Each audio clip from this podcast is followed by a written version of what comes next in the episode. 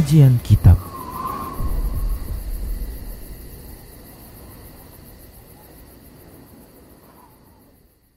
Bismillah, Assalamualaikum warahmatullahi wabarakatuh.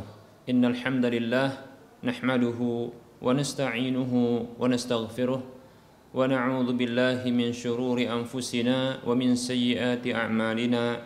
Man yahdihillah fala mudilla Wa man yudlilhu fala hadiyalah وأشهد أن لا إله إلا الله وحده لا شريك له وأشهد أن محمدا عبده ورسوله صلى الله عليه وسلم. قال الله تبارك وتعالى يا أيها الذين آمنوا اتقوا الله حق تقاته ولا تموتن إلا وأنتم مسلمون. يا أيها الناس اتقوا ربكم الذي خلقكم من نفس واحدة وخلق منها زوجها وبث منهما رجالا كثيرا ونساء واتقوا الله الذي تساءلون به والأرحام إن الله كان عليكم رقيبا. يا أيها الذين آمنوا اتقوا الله وقولوا قولا سديدا يصلح لكم أعمالكم ويغفر لكم ذنوبكم ومن يطع الله ورسوله فقد فاز فوزا عظيما. أما بعد. فإن أصدق الحديث كتاب الله وخير الهدى هدى رسول الله صلى الله عليه وسلم وشر الأمور محدثاتها وكل محدثة بدعة وكل بدعة ضلالة وكل ضلالة في النار Para pemirsa Rosyad TV dan para pendengar Radio Medan Mengaji di mana saja Anda berada rahimani wa rahimakumullah. Alhamdulillah kita bersyukur senantiasa kepada Allah atas semua nikmatnya Salawat dan salam tak lupa kita ucapkan untuk Rasulullah sallallahu alaihi wasallam. Baik para hamba Allah rahimani wa rahimakumullah, kita akan lanjutkan pembahasan kitab Minhajul Muslim dalam bab akidah dan masih kita membahas tentang generasi-generasi terbaik dari umat ini. Eh, pada pertemuan yang lalu telah kita sebutkan generasi yang terbaik yang pertama yaitu para sahabat yakni orang-orang yang mereka hidup di zaman Nabi Shallallahu Alaihi Wasallam bertemu dengan Nabi sekaligus beriman dengan Nabi Shallallahu Alaihi Wasallam dan wafat di atas keimanan tersebut. Mereka adalah generasi terbaik dari umat ini karena melalui mereka Islam ini diregenerasikan dan mereka lah murid-murid Rasulullah Shallallahu Alaihi Wasallam. Baik para hamba Allah rahimani rahimakumullah yang berikutnya generasi yang terbaik yang kedua dan kita akan menjelaskan tentang sikap seorang muslim terhadap mereka. Generasi terbaik yang kedua adalah para tabi'in. Begitu juga tabi'ut tabi'in seterusnya ya. Jadi eh, yang kita bahas ini adalah generasi kedua, ketiga dan seterusnya ya.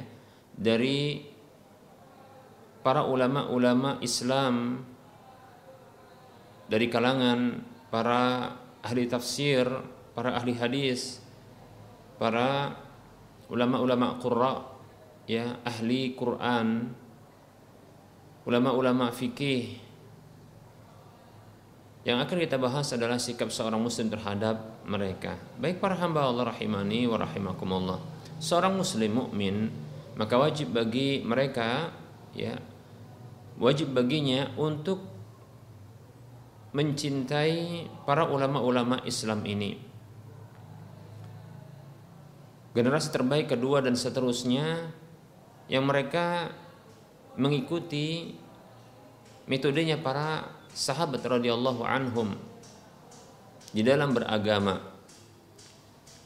Seorang mukmin muslim maka wajib mencintai mereka, mendoakan kerahmatan untuk mereka dan memohonkan ampun untuk dosa-dosa mereka sekaligus mengakui keutamaan dan keistimewaan mereka.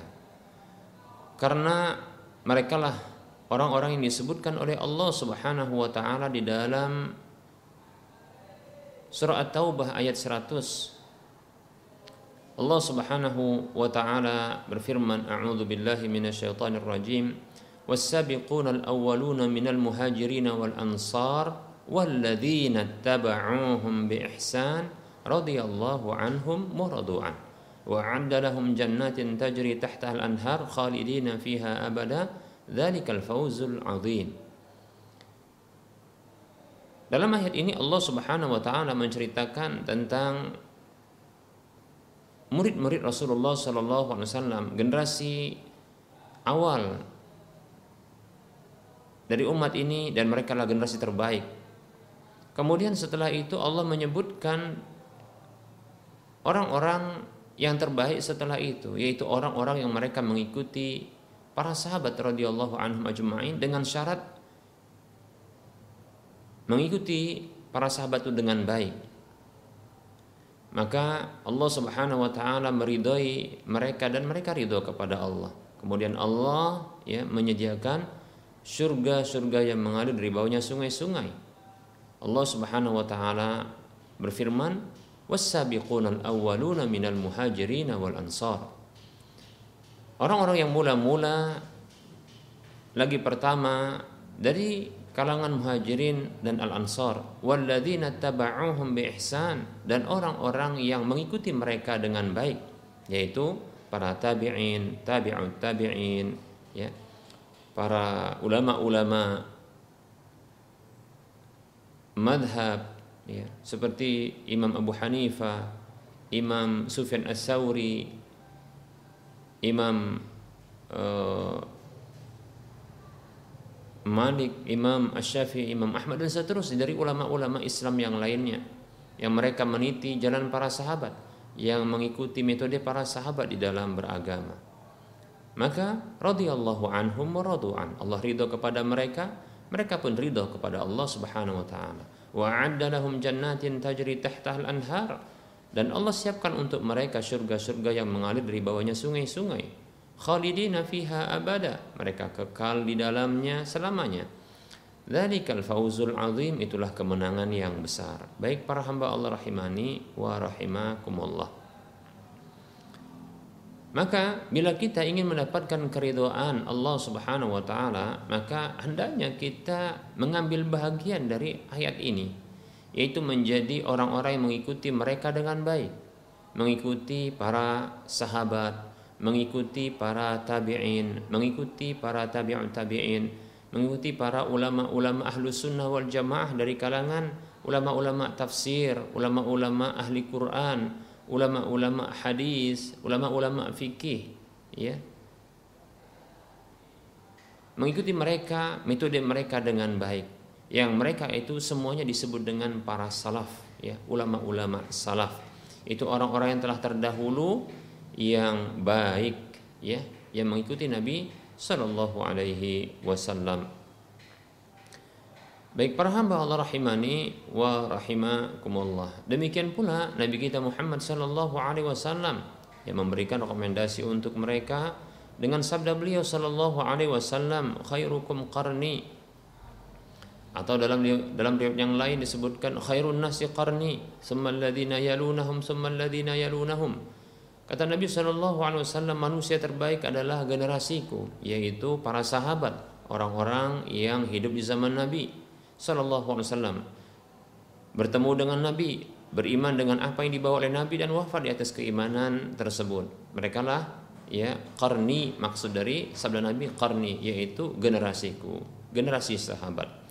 Kemudian summaladina yalunahum kemudian orang-orang setelah mereka yaitu tabi'in, itu orang-orang yang mereka hidup di zaman sahabat namun tidak bertemu dengan Nabi Shallallahu Alaihi Wasallam atau mereka hidup di zaman Nabi namun belum sempat bertemu dengan Nabi Shallallahu Alaihi Wasallam yang disebut dengan uh, mukhadram yaitu orang-orang yang hidup di zaman Nabi beriman dengan Nabi namun belum sempat bertemu dengan Nabi Shallallahu Alaihi Wasallam.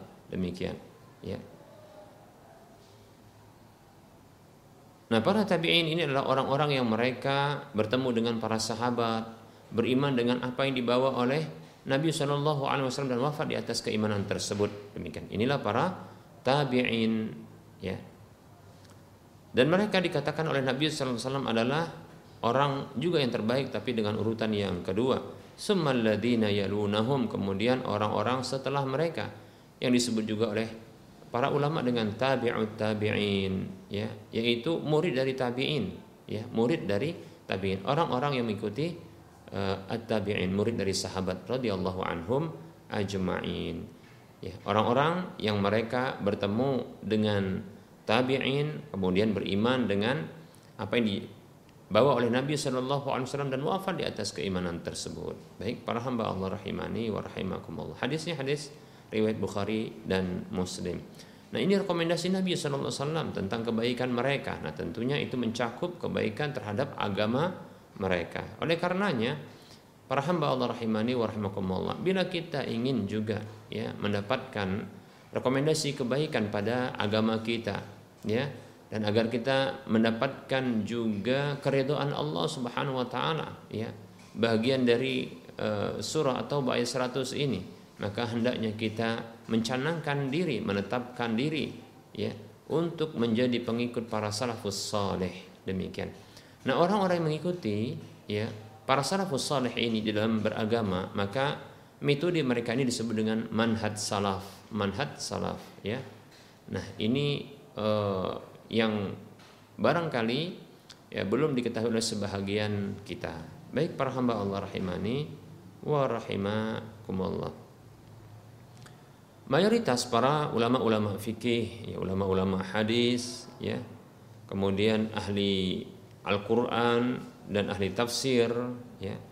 Mereka itu termasuk ke dalam ya tiga generasi yang terbaik yang disabdakan oleh Nabi Shallallahu Alaihi Wasallam ini ya baik para hamba Allah rahimani warahmatullah Allah Subhanahu Wa Taala memuji orang-orang yang mereka memohonkan ampun untuk para pendahulu mereka ya. Yang telah mendahului mereka dengan keimanan. Maka Allah puji mereka yang memohonkan ampun untuk orang-orang sebelum mereka. Ya.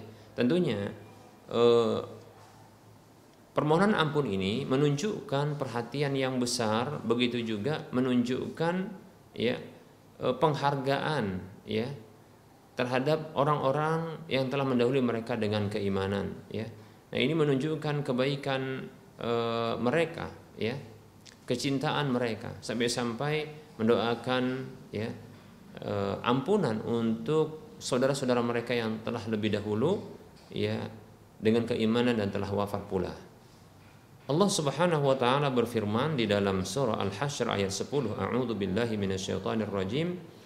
والذين جاءوا من بعدهم يقولون ربنا اغفر لنا ولإخواننا الذين سبقونا بالإيمان ولا تجعل في قلوبنا ghillan lilladzina amanu rabbana innaka raufur rahim. Allah Subhanahu wa taala berfirman dan orang-orang yang datang setelah mereka ya itu setelah para sahabat. Mereka itu ya tentunya orang-orang yang datang setelah para sahabat itu termasuk tabi'in, tabi'un tabi'in. Dan orang-orang setelah mereka sampai kepada kita ini saat ini ya nah bila kita ingin mendapatkan pujian bahagian pujian ya dari Allah Subhanahu wa taala ya dan mengambil posisi dari ayat ini yaitu dipuji oleh Allah Subhanahu wa taala karena memohonkan ampun terhadap orang-orang yang telah lebih dahulu mendahului mereka dengan keimanan maka hendaknya kita mohonkan ampun untuk mereka ya. Walladzina ja'u min dan orang-orang yang datang setelah mereka ini termasuk kita ya. Yaquluna mereka mengucapkan mereka mengucapkan doa ya. Mereka mengucapkan doa yaitu Rabbana ighfir lana wahai Rabb kami ampunilah kami. Wa li ikhwanina dan saudara-saudara kami alladzina sabaquna bil iman yaitu orang-orang yang telah mendahului kami dengan keimanan. Siapa mereka? Ya ini tentunya ya para sahabat. Ya kemudian tabi'in tabi'un tabi'in. Ya. Nah tentunya para hamba Allah rahimani warahmatullah para tabi'in yaitu murid-murid para sahabat radhiyallahu anhum ajma'in tatkala mereka membaca ayat ini dan tentunya mereka mengamalkan. Ya dengan cara membaca doa ini. Rabbana ighfir lana wa li ikhwanina alladziina sabaquna bil iman. Wahai Rabb kami ampunilah kami dan ampunilah ya saudara-saudara kami yang telah mendahului kami dengan keimanan yang mereka maksudkan itu adalah para sahabat Demikian pula para tabiut tabiin mereka mendoakan hal itu ya. Itu diberlakukan untuk sahabat dan tabiin dan seterusnya. Kita pun demikian saat ini ya.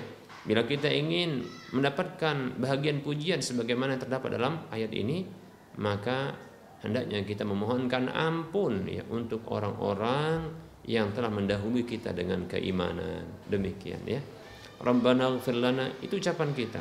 Rabbana ighfir lana wa li ikhwanina alladziina sabaquna bil iman wa la taj'al fi qulubina ghillan lil ladzina amanu dan janganlah engkau jadikan dalam hati-hati kami ghillan lil ladzina amanu ya yaitu sikap ghil ya sifat ghil ghil itu yaitu dendam amarah ya.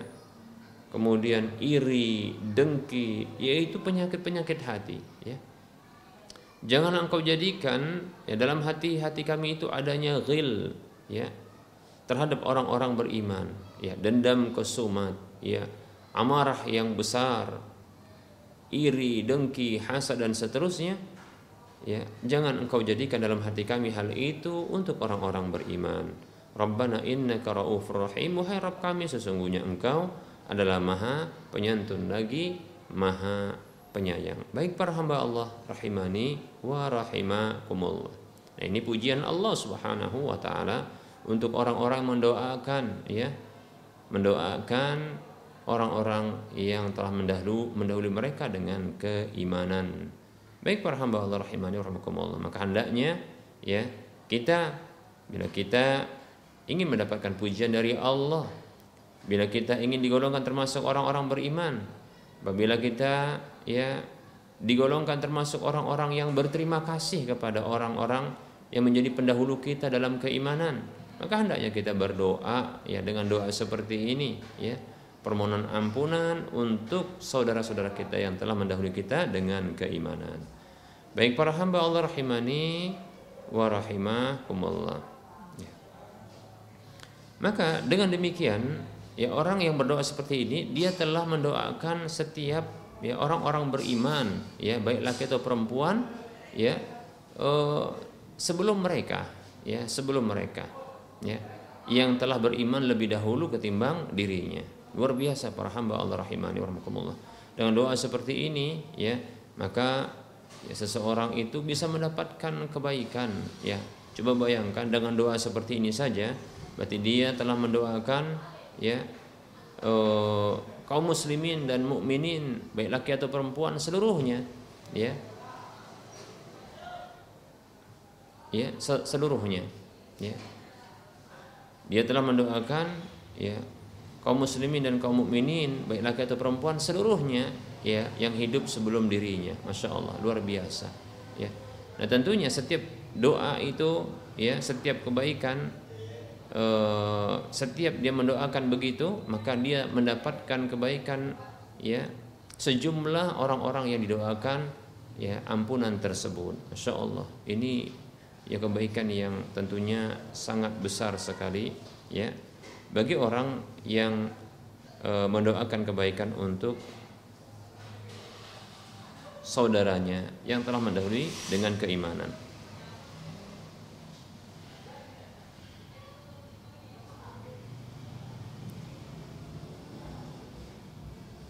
Baik para hamba Allah rahimani wa rahimakumullah. Kemudian sikap seorang mukmin dan muslim ya terhadap para ulama-ulama Islam para pendahulu-pendahulu mereka, para salaf yang telah mendahului mereka dengan keimanan dan keislaman yang telah bagus iman dan Islam mereka, maka seorang muslim tidaklah menyebutkan mereka kecuali dengan kebaikan, ya. Tidak mencela mereka, tidak menyebutkan cacat mereka, ya. Tidak juga ya uh, menyatakan buruknya mereka ya. Baik itu dengan ucapan atau dengan e, fikiran dan pendapatnya. Demikian dan seorang mukmin serta seorang muslim menyadari bahwa mereka itu adalah ahli ijtihad ya mereka itu adalah ahli ijtihad ya ulama-ulama mujtahid yang ikhlas di dalam ya ijtihad mereka itu. Maka seorang muslim mukmin dia beradab terhadap mereka ya ketika menyebutkan ya orang-orang yang sangat besar jasanya terhadap ya dirinya. Ya bahkan lebih mengutamakan pendapat ya para salaf ini ya ketimbang pendapat ya salah seorang pun ya setelah mereka bahkan termasuk dirinya.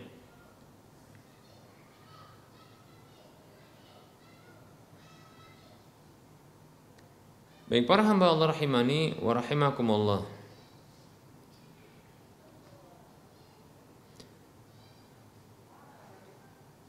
Maka seorang mukmin mestinya ya dia berpandangan seperti pandangan mereka, berpendapat seperti pendapat mereka.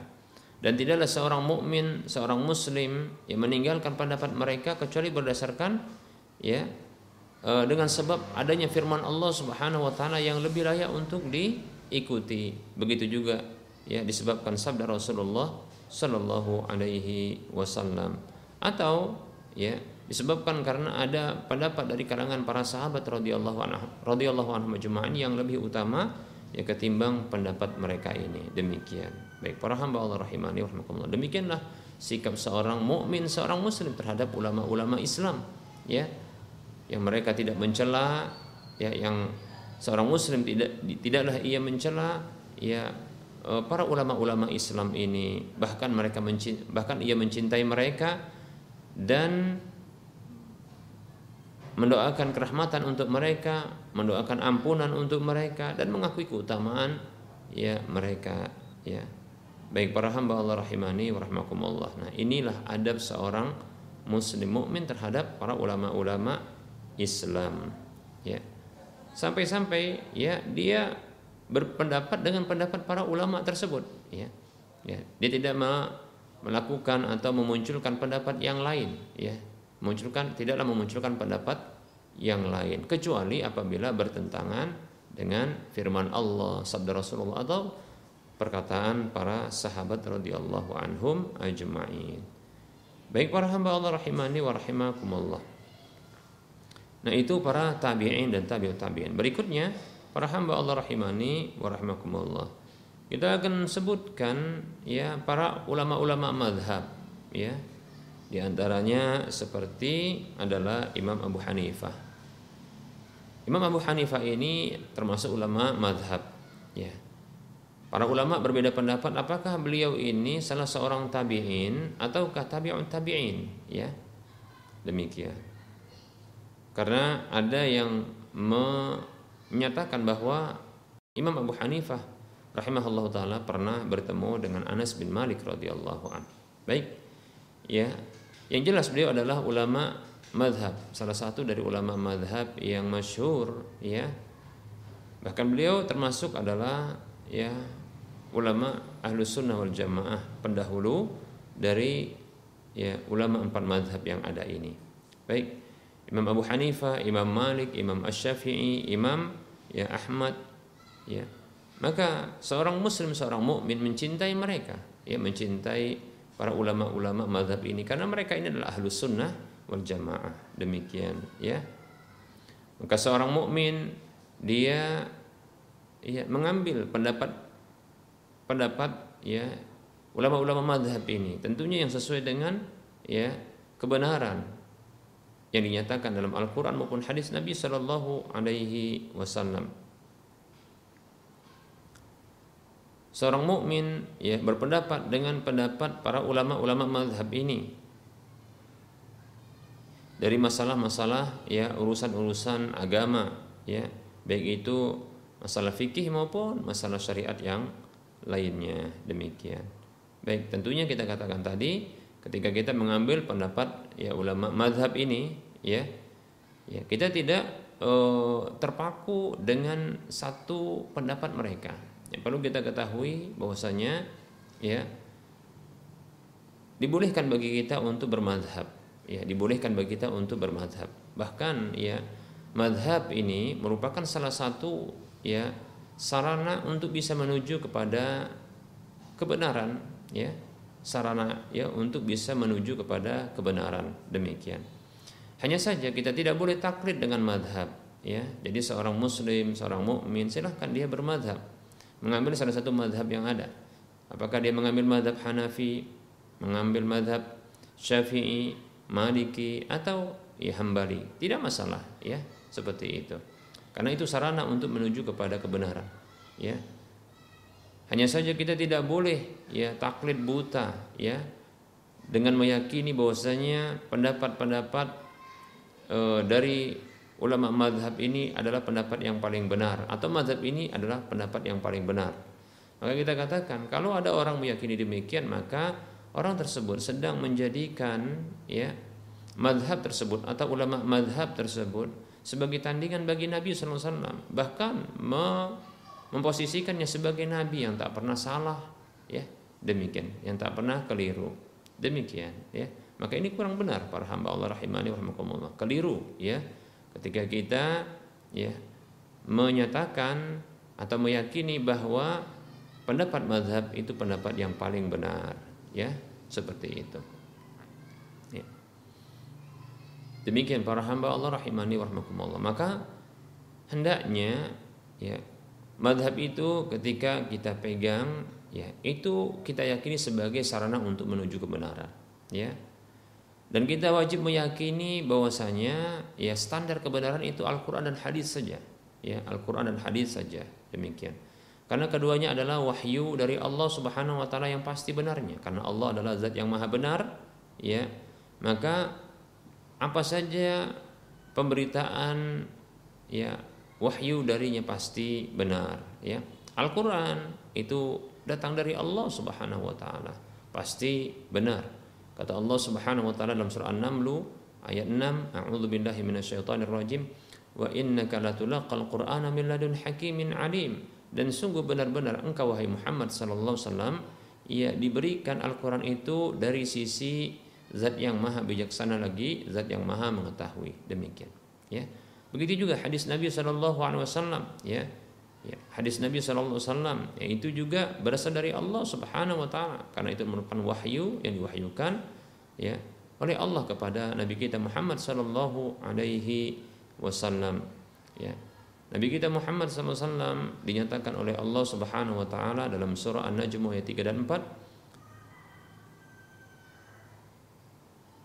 yang Allah Subhanahu Wa Taala ya berfirman tentang Nabi kita Muhammad Shallallahu Alaihi Wasallam ini dalam surah An-Najmu ayat 3 dan 4 Wa ma yantiqu 'anil hawa in huwa illa wahyu yuha.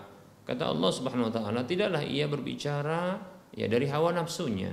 Tidaklah ucapannya melainkan wahyu yang diwahyukan kepadanya. Demikian para hamba Allah rahimani wa rahimakumullah jadi adalah wahyu dari Allah. Ya, jadi hadis itu adalah wahyu dari Allah Subhanahu wa taala. Nah, pasti benarnya. Oleh karenanya standar kebenaran adalah Al-Qur'an dan hadis Nabi Shallallahu alaihi wasallam bukan yang lainnya. Adapun yang lainnya hanya mengikuti Al-Qur'an dan hadis Nabi SAW ini. Demikian para hamba Allah rahimani wa Bahkan para ulama-ulama madhab juga mereka ya berpegang dengan Al-Quran dan hadis Nabi Shallallahu Alaihi Wasallam. Insya Allah Taala pada waktu mendatang ya Insya Allah Taala esok hari kita akan bahas pernyataan para ulama ulama madhab ya terutama ya ulama-ulama empat madhab ini ya e, tentang standar kebenaran Al-Quran dan hadis Nabi Shallallahu Alaihi Wasallam dan bagaimana sikap mereka terhadapnya terhadap keduanya dan bagaimana sikap mereka tatkala pendapat mereka bertentangan dengan Al-Quran hadis insyaallah taala kita akan sebutkan pada pertemuan mendatang. Baik para hamba Allah rahimani wa rahimakumullah. Ya. Sedikit kita tegaskan bahwasanya para ulama-ulama madhab ya mereka ini mengambil dan menyimpulkan hukum itu dari dua sumber pokok ajaran Islam yaitu Al-Qur'an dan hadis Nabi sallallahu alaihi wasallam. Mereka itu ya e, menyimpulkan hukum, mengambil e, kesimpulan hukum ya itu dari Al-Qur'an dan hadis Nabi sallallahu alaihi wasallam atau melakukan pengkiasan masalah yang terjadi yang kontemporer di masa mereka itu ya dikembalikan dan distandarkan dengan Al-Quran dan hadis Nabi Sallallahu Alaihi Wasallam. Ya. Baik para hamba Allah rahimani wa rahimakumullah. Kita cukupkan untuk penyampaian materi. Insya Allah taala kita akan lanjutkan ya penyampaian materi pada waktu mendatang secara khusus insya Allah taala esok hari kita akan menyebutkan ya eh, pernyataan-pernyataan para ulama-ulama empat madhab ini ya dari kalangan ya e, pernyataan dari kalangan Imam Abu Hanifah, Imam Malik, Imam Asy-Syafi'i dan Imam Ahmad tentang dua sumber pokok ajaran Islam yaitu Al-Qur'an dan hadis Nabi sallallahu alaihi wasallam. Baik. Kita cukupkan dan kita beralih kepada sesi berikutnya yaitu sesi soal jawab bagi para pemirsa dan para pendengar sekalian yang ingin berinteraktif ya kita buka di layanan 08 22 88 88 6630 ya.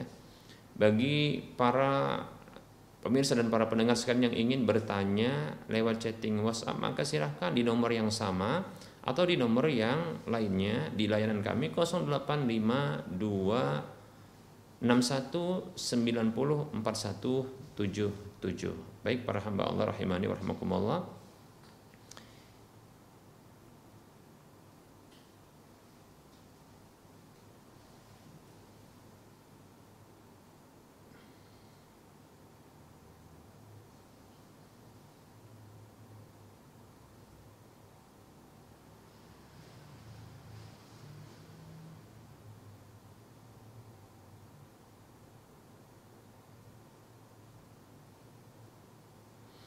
Baik ada pertanyaan ya. Yang pertama pertanyaan dari Bapak Maizar Hakim di Pasar Minggu Jakarta.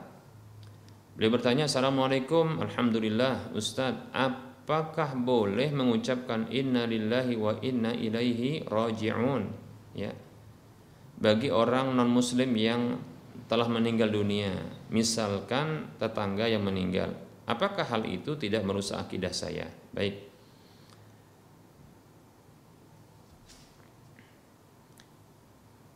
Kita jawab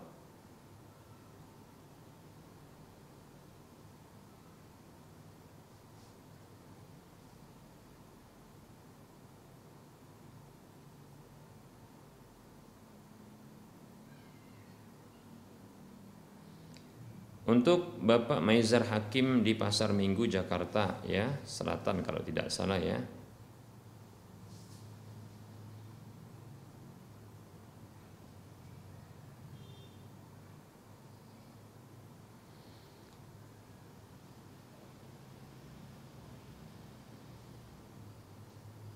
Waalaikumsalam warahmatullahi wabarakatuh. Ucapan inna lillahi wa inna ilaihi raji'un adalah ucapan seorang yang sabar terhadap musibah yang menimpanya. Berdasarkan firman Allah Subhanahu wa taala di dalam surah atau uh, surah Al-Baqarah ayat 155 sampai 157. Allah Subhanahu wa taala berfirman, "A'udzu billahi minasyaitonir rajim." وَلَنَبْلُوَنَّكُمْ بِشَيْءٍ مِنَ الْخَوْفِ وَالْجُوعِ وَنَقْصٍ مِنَ الْأَمْوَالِ وَالْأَنْفُسِ وَالثَّمَرَاتِ وَبَشِّرِ الصَّابِرِينَ الَّذِينَ إِذَا أَصَابَتْهُمْ مُصِيبَةٌ قَالُوا إِنَّا لِلَّهِ وَإِنَّا إِلَيْهِ رَاجِعُونَ أُولَئِكَ عَلَيْهِمْ صَلَوَاتٌ مِنْ رَبِّهِمْ وَرَحْمَةٌ وَأُولَئِكَ هُمُ الْمُهْتَدُونَ Allah berfirman yang artinya dan sungguh benar-benar kami akan menguji kalian dengan sedikit dari rasa takut, rasa lapar, kekurangan harta, kekurangan jiwa dan bahan makanan.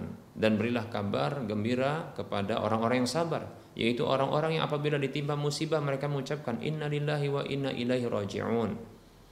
Mereka lah orang yang mendapatkan salawat yaitu pujian dan sanjungan dari Allah rahmat dan mereka lah orang-orang yang mendapatkan petunjuk. Baik ini adalah ucapan ya orang yang sabar ketika tertimpa musibah demikian. Baik ya. E, hukumnya mengucapkan hal ini apabila ada orang kafir yang wafat maka wallahu taala alam e, bukanlah merupakan sebuah dosa ya dan hal yang terlarang ya lebih-lebih apabila ternyata yang wafat tersebut adalah orang dekat dari orang muslim ini walaupun kafir seperti contohnya adalah mungkin karib kerabat ya atau mungkin tetangga dekat, teman dekat, ya. Dan ini menunjukkan musibah yang menimpa dirinya, ya lalu dia bersabar dengan hal itu, ya. Dan mungkin hal ini juga e, membuatnya sedih, ya. Bisa jadi membuatnya sedih di mana mungkin kerabatnya, orang dekatnya atau tetangganya ternyata wafat dalam kondisi kafir, ya wafat dalam kondisi kafir. Sementara barangkali dia pernah berharap atau berdoa agar ya Allah Subhanahu wa taala membukakan hatinya. Namun ternyata ia wafat dalam kondisi kafir dan ini tentunya menjadi musibah. Hal yang menyedihkan. Sebagaimana Rasulullah SAW bersedih ketika wafatnya pamanda beliau yaitu Abu Talib dalam kondisi kafir. Ya sedih ya demikian ya. Maka tidak masalah ya mendoa eh, apa namanya mengucapkan zikir seperti ini ketika tertimpa musibah ya sebagai bentuk e, kesabaran. Demikian. Hanya saja yang terlarang adalah mendoakan ampunan untuk orang kafir tersebut. Ini yang tidak boleh ya. E, sebagaimana ya Allah Subhanahu wa taala berfirman dalam surah Taubah ayat 113 ya Allah mengatakan A'udzu billahi minasyaitonir rajim. Maka kana lin nabiyyi walladzina amanu ay yastaghfiru lil musyrikina walau kanu uli qurba. Ya. Walau kanu uli qurba. Min ba'di ma tabayyana anna lahum ya ashabul jahim. Anna lahum anna annahum ashabul jahim. Uh, annahum min ashabil jahim ya Allah Subhanahu wa taala berfirman, tidaklah ya bagi nabi dan orang-orang beriman untuk memohonkan ya ampunan bagi orang-orang musyrik, orang-orang kafir maksudnya, ya. Setelah e, walaupun mereka ini adalah termasuk karib kerabat mereka, ya. Setelah jelas bagi mereka bahwasanya mereka ini termasuk adalah penghuni dari neraka jahim demikian, ya. Baik ya, jadi yang tidak boleh adalah ya mendoakan, ya mendoakan orang kafir dengan doa ampunan juga kerahmatan, ya. Wallahu taala alam. Karena doa kerahmatan itu termasuk doa ampunan, ya. Baik. Adapun mengucapkan zikir inna lillahi wa inna ilaihi raji'un sesungguhnya kita ini milik Allah dan sesungguhnya kita ini akan kembali kepada Allah. Nah, ini ungkapan yang tidak masalah insyaallah taala untuk diucapkan walaupun tatkala ya eh, yang meninggal dunia tersebut adalah orang kafir non muslim demikian ya. Karena ini bukan doa tapi ini merupakan ungkapan kesabaran ya. Bisa jadi pula ya orang yang mengucapkan ini dia harus bersabar. Dia mendapatkan musibah dengan wafatnya orang dekatnya atau tetangganya yang diharapkan keislamannya namun dia mati dalam kondisi kafir. Wallahu taala alam. Jadi tidak masalah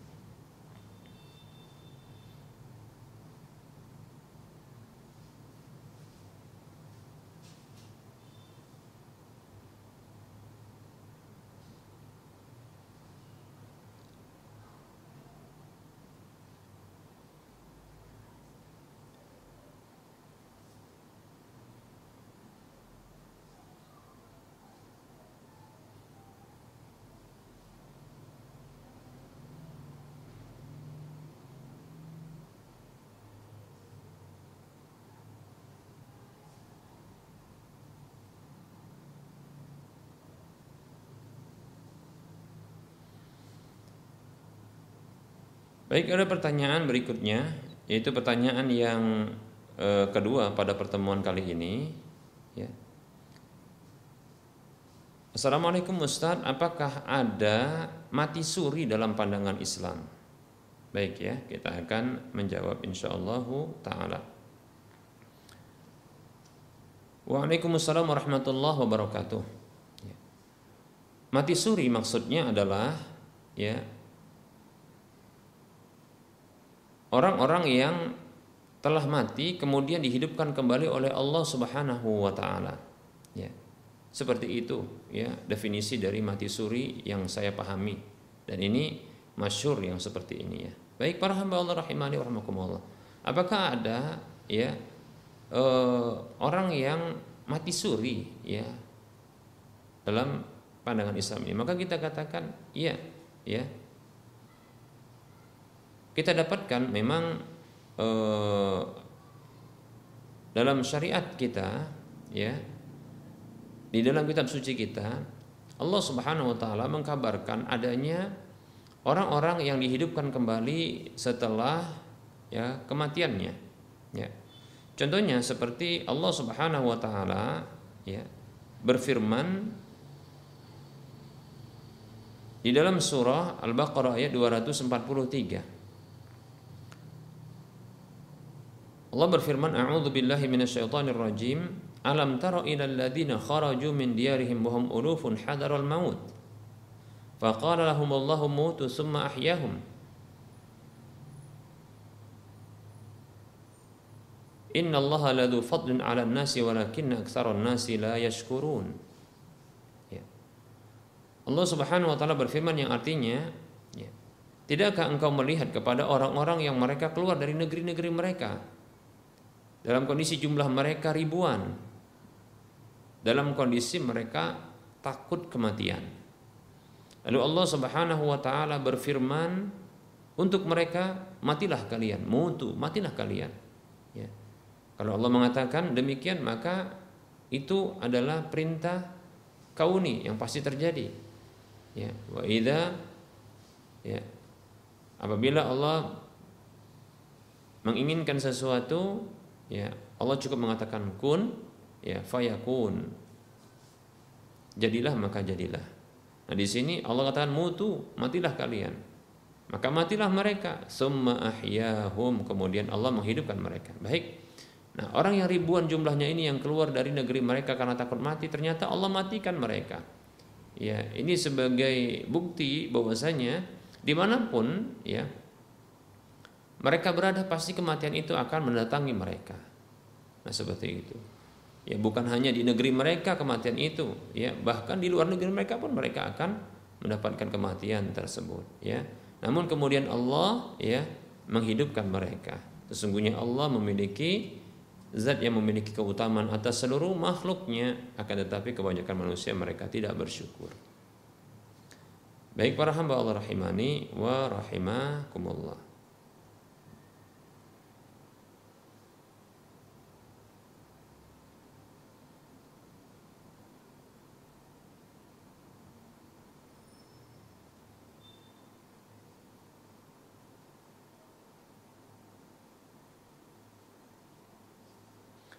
Ini contoh ya, contoh di mana Allah Subhanahu wa taala ya eh, pernah menghidupkan orang yang telah mati ya. Ya, sehingga kematian itu disebut dalam istilah bahasa Indonesia dengan ya mati suri demikian. Ini contoh. Dan banyak di ayat yang lain yang demikian ya. Seperti contohnya kaumnya Nabi Musa yang minta ya kepada Allah Subhanahu wa taala ya agar Allah Subhanahu wa taala ya e, menampakkan diri. Kata mereka ya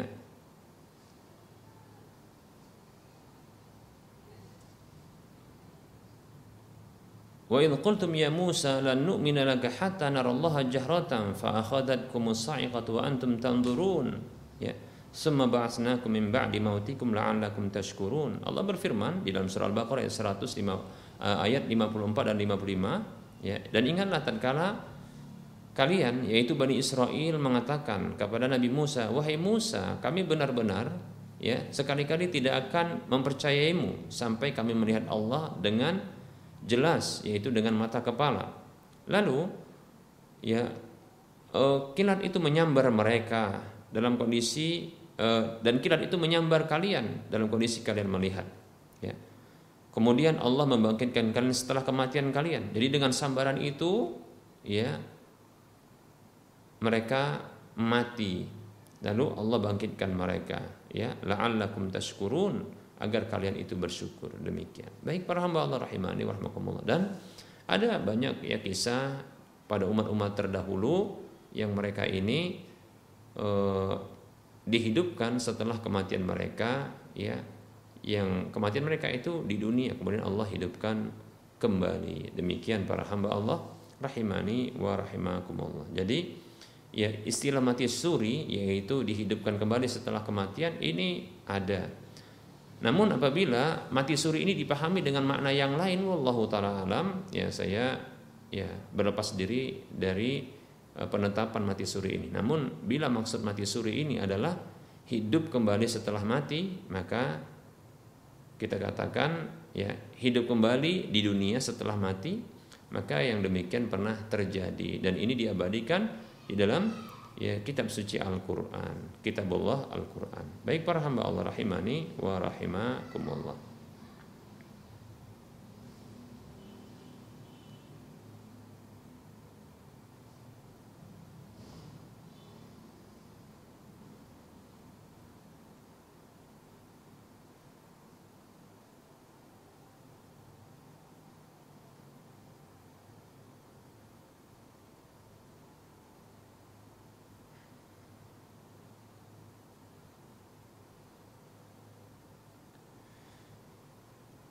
Di sini ada pertanyaan ya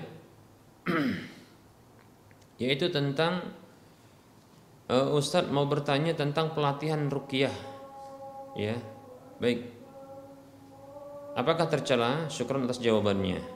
Baik para hamba Allah rahimani warahmatullah uh, perlu kita ketahui sesungguhnya merukyah itu gampang sekali tidak sulit insyaallah taala ya tidak sulit ya. Cukup penuhi syarat-syaratnya ya. Syarat rukyah itu adalah bacaannya dari Al-Qur'an ya. Semua Al-Qur'an itu adalah rukyah kemudian demikian pula ada doa-doa dari hadis Nabi Shallallahu alaihi wasallam ya. Uh, untuk mohon perlindungan kepada Allah. Berikutnya bisa juga menggunakan ya permohonan perlindungan kepada Allah dengan nama dan sifat Allah Subhanahu wa taala. Demikian. Seperti itu Kemudian yang kedua syaratnya adalah dengan bahasa Arab yang jelas atau dengan e, bahasa Arab tapi jelas ya, tidak bergumam ya atau ya tidak komat kamit. Kemudian yang ketiga adalah meyakini bahwasanya kesembuhan itu datang dari Allah Subhanahu wa taala atas dasar ketetapan Allah dan takdir Allah. Demikian ya. Seperti itu ini syaratnya. Nah, kemudian ya Adapun media yang bisa digunakan adalah seperti air, ya, begitu juga tangan yang menyentuh. Tentunya tidak boleh menggunakan, ya, eh, apa namanya, eh, persentuhan kepada eh, lawan jenis yang tidak ada hubungan suami istri dan kemahroman demikian ini haram tentunya demikian. Nah, apabila Maksud dari pelatihan ini adalah mengenalkan kepada masyarakat ya bagaimana cara e, merukyah sehingga bisa merukyah mandiri ya. Maka ini insya Allah bagus tapi tentunya e, mengenalkan kepada mereka dengan cara yang mudah tidak sulit demikian. Akan tetapi apabila maksud dari pelatihan rukyah ini adalah ada perilaku khusus yang dilakukan seperti ya kalau kerasukan jin atau setan maka ini harus ya uh, memutar-mutar tangan kemudian apa memutar tangan di dada kemudian menggesernya ke arah kaki kemudian ke arah mulut dan demikian. Maka ini berlebihan ya ini berlebihan ya. Padahal rukyah itu sangat mudah insya Allah taala. Ini dipersulit terkadang ya oleh sebagian orang ya e, seolah-olah ini hanya e, harus ada petugas khususnya. Padahal setiap orang bisa untuk merukyah insyaallah taala demikian ya. Nah, maka kita katakan pelatihan rukyah ini bisa tercela kalau dengan ya e, bentuk atau metode yang menyulitkan kemudian yang tidak pernah dituntunkan oleh para ulama kita demikian ya. Tapi kalau sesuai dengan tuntunan dari Al-Quran dan hadis Nabi SAW dan petunjuk para ulama maka insya Allah taala ini bagus ya wallahu taala a'lam Barangkali ini yang bisa kita sampaikan pada pertemuan kali ini karena telah masuk waktu sholat duhur untuk wilayah Medan dan sekitarnya. Mohon maaf atas segala kekurangan dan kesalahan, kebenaran datang dari Allah, maka ambillah. Kekurangan dan kesalahan itu datang dari saya pribadi dan bisikan syaitan, maka tinggalkanlah. Sebelum berakhir seperti biasa, kita memberikan motivasi kepada kaum muslimin untuk berdonasi, membebaskan lahan yang akan dibangun di lahan tersebut, Masjid Al-Muwahhidin untuk wilayah Medan dan sekitarnya. Silakan miliki aset akhirat dengan berdonasi ke Bank Syariah Mandiri atau Bank Syariah Indonesia di nomor 71274855555 atas nama Yayasan Lajnah Dakwah Medan kode bank 451. Semoga bermanfaat dan semoga Anda semua termotivasi. Wassalamualaikum ala Muhammad wa ala alihi wa ashabihi ajma'in. Subhanakallahumma wa bihamdika asyhadu an la ilaha illa anta astaghfiruka wa atubu ilaika walhamdulillahi rabbil alamin. Wassalamualaikum warahmatullahi wabarakatuh.